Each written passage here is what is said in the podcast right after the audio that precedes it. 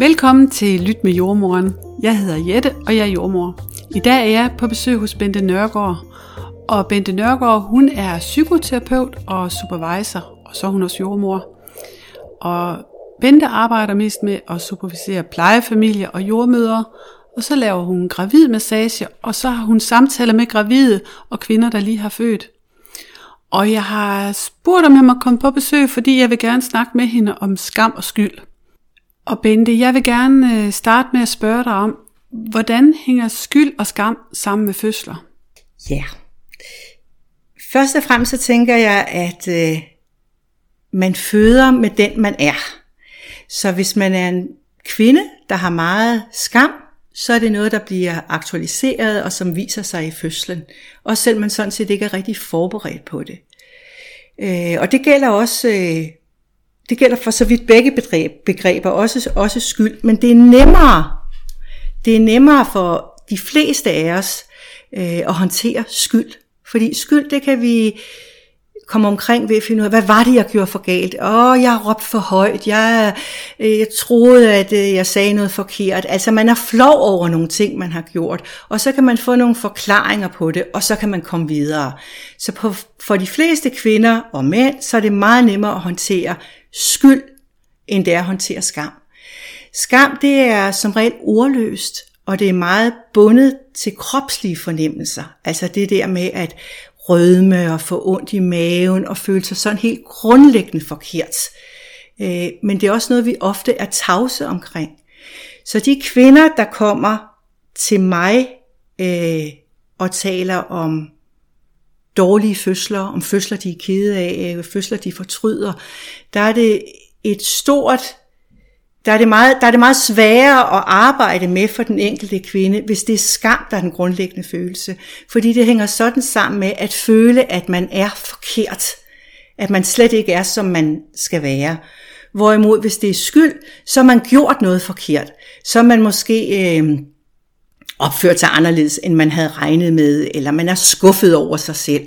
Så øh, kan man bearbejde det på en anden måde. Det er ligesom mere et, en, man kan ligesom tegne det, og man kan se det for sig, det her, det er galt, det ændrer jeg på. Hvorimod det er skam, det er så tæt forbundet med, hvem jeg er som person, og det er meget ofte noget, man slet ikke har øh, tænkt på og sagt, og det er så tavst, man tør slet ikke snakke om det, fordi det føles så forkert. Så Bente, jeg bliver nysgerrig på, hvor, hvor kommer sådan en skamfølelse fra? Hvorfor er der nogen, der har mere skam med sig? Hvor kommer det fra? Skam, det kommer fra vores opdragelse. Et, en baby og et helt lille bitte barn øh, oplever ikke skam. Det kræver en vis modenhed i hjernen og begynde at føle skam. Det er et opdragelsesmiddel, det er en socialisering, det at vi skal føle, der er noget, man må og noget, man ikke må. Så det kommer faktisk meget an på, hvordan forældre opdrager deres børn, hvordan vi håndterer vores skam. Men vi skal som mennesker, skal vi kunne opleve skam. Man har for eksempel et begreb, der hedder, han er skamløs, eller hun er skamløs. Og det betyder, at man slet ikke har nogen grænser, eller slet ikke har nogen sociale fornemmelse af andre mennesker, og sig selv samtidig. Så skam er et, et opdragelsesmiddel faktisk, og det er ikke noget forældre tænker på, men det er noget, der sådan sker omkring halvanden, toårsalderen.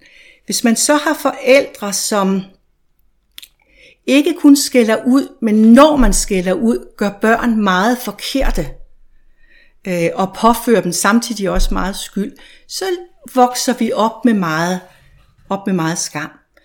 Øh, så, så det er noget, der kommer ganske tidligt, så kan vi som lidt større børn og som teenager og som unge, så kan vi lære at håndtere den skam.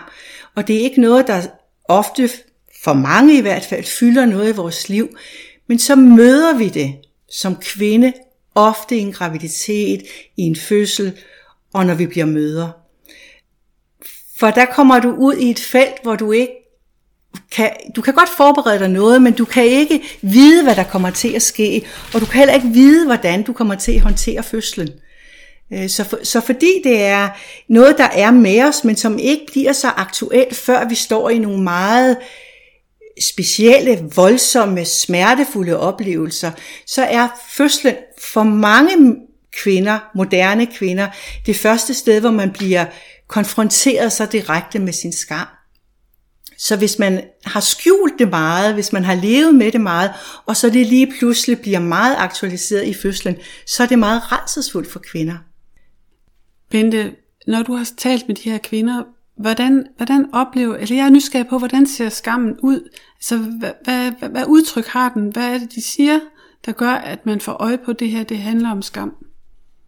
Først og fremmest så er skammen øh, udtryksmåde, den er, den er tavs.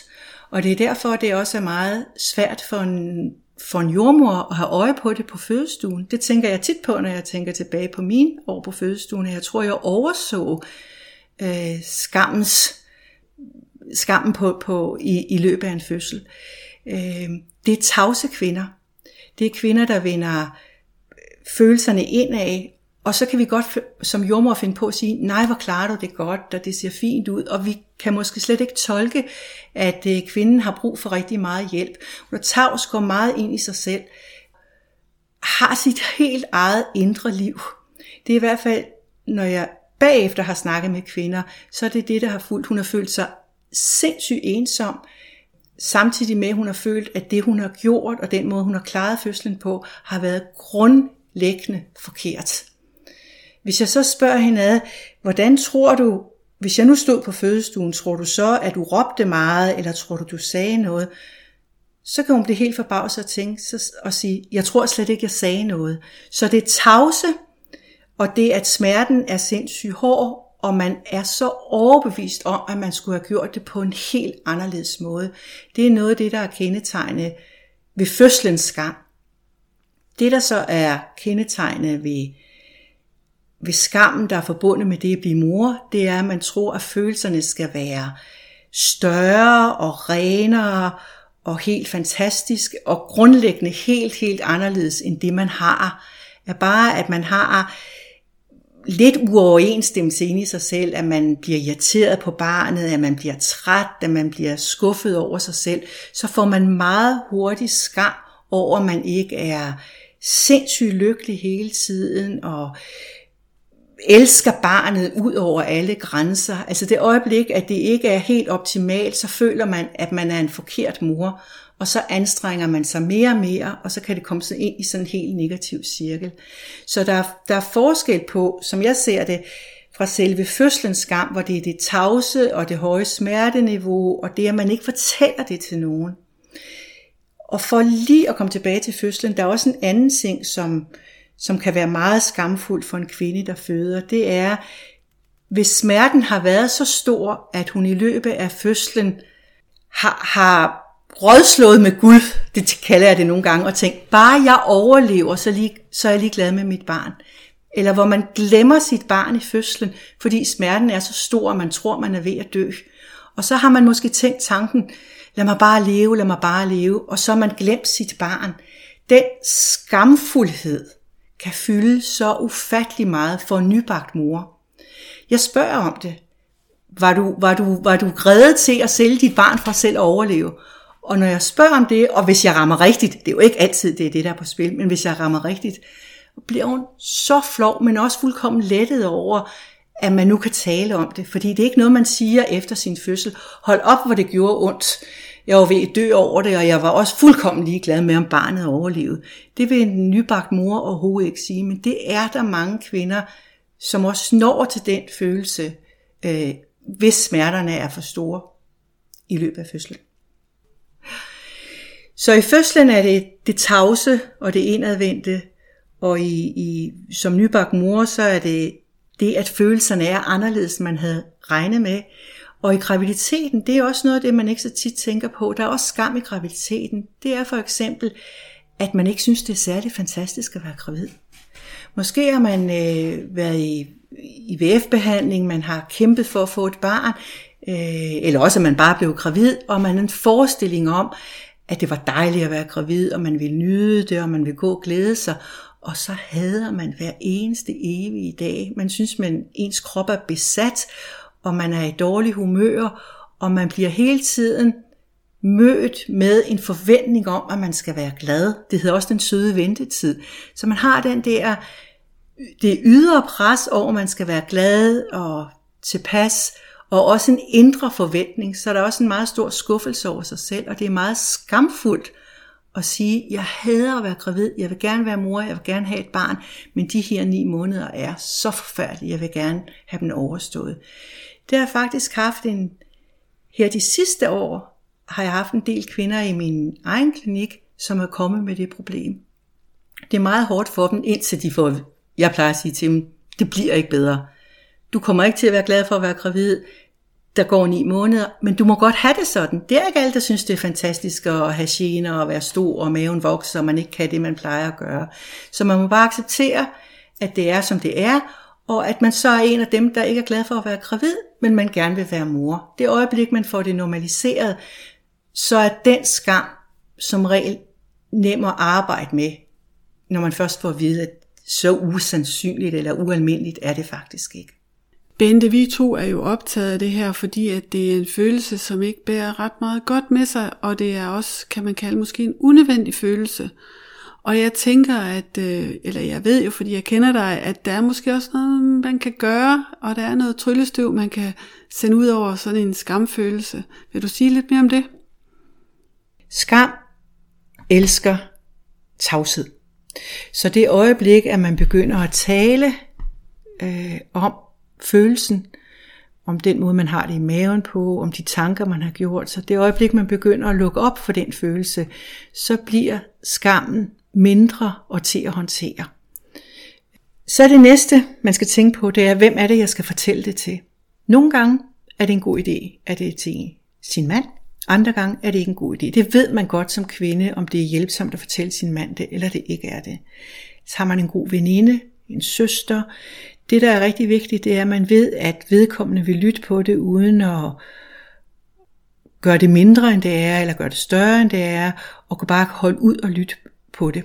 Øh, så, eller også så skal man have en professionel samtale, øh, og det kan nogle gange være, det kan ofte faktisk være nødvendigt, fordi man ved ikke, før man er begyndt at tale om det, at det er det, der er på spil. Det er ikke sådan, at man kommer ind og, og siger, goddag, goddag, jeg vil gerne snakke om min fødsel, jeg har en stor skamfølelse. Man har det bare dårligt, man trives ikke, man, man, man er også lidt tavs i det, man ved ikke lige, hvad det er, der er på spil, før man begynder at snakke om det. Så nogle gange er det en idé med en professionel samtale. Og når man så først har fået lukket op øh, og fået luften af ballonen, kan man sige, så kan man så begynde at snakke med fortælle sin mand og sin mor eller sin søster, sådan så det ikke, ikke bare bliver én gang, så det ikke bliver tavs, så det er noget, man bliver ved med at forholde sig til. Det er vigtigt, hvis man har meget skam. Der er ligesom to spor, jeg synes, der er vigtigt at tale om. Det ene er, at når der er skam, så skal man tale om det, så skal der lukkes op. Men samtidig så er der også en tendens i vores tid, hvor man taler meget om sin graviditet og sine fødsler, så man ikke rummer ret meget selv, før det kommer ud i verden. Og det tænker jeg, det er en anden, jeg ved ikke om det hænger så meget sammen med skam, men det er en anden problematik, at der er en forfladelse, det øjeblik, jeg oplever noget, får et billede af mit barn, har en rørelse i mig, det øjeblik, der overhovedet der er noget med min graviditet, så sender jeg det ud på de sociale medier. Og på den måde så forhindrer man faktisk sig selv i at gå i dybden i nogle processer. Det kan være, at man skal vente lidt med at gøre det.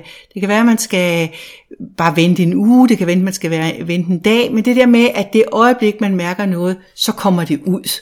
Det er den anden del af det. Men lige når vi har med skam at gøre, så er det det modsatte. Så er det vigtigt at snakke om det, og ikke gå og lade det vokse og vokse. Så det, det, det er ligesom to øh, tendenser og to spor, der går i hver sin retning, er på en måde, så kan man sige, at der bliver talt sindssygt meget om graviditet, og det er meget synligt på de sociale medier. Men der, hvor det gør allermest ondt, og der, hvor kvinder lider allermest, og det handler om hele skamområdet, så bliver det så tavst og usynligt. Så det er sådan to bevægelser, jeg synes, vi skal, både som kvinder og fagpersonale, skal være opmærksom på.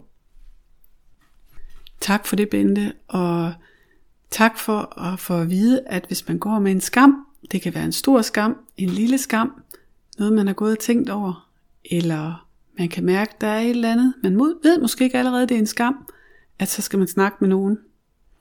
Det kan være sin partner, eller det kan være dig, Bente, for man kan jo også altid ringe til dig og få en snak om, hvad det er, der rører sig inde i en, hvis man er gravid eller efter en fødsel. Hvis du vil vide mere om Bente, så kan du finde hende på internettet, og jeg lægger også et link i teksten, der hører sammen med den her podcast. Står du foran og skal føde, så vil jeg ønske dig en rigtig, rigtig god fødsel, og til alle andre en rigtig god dag.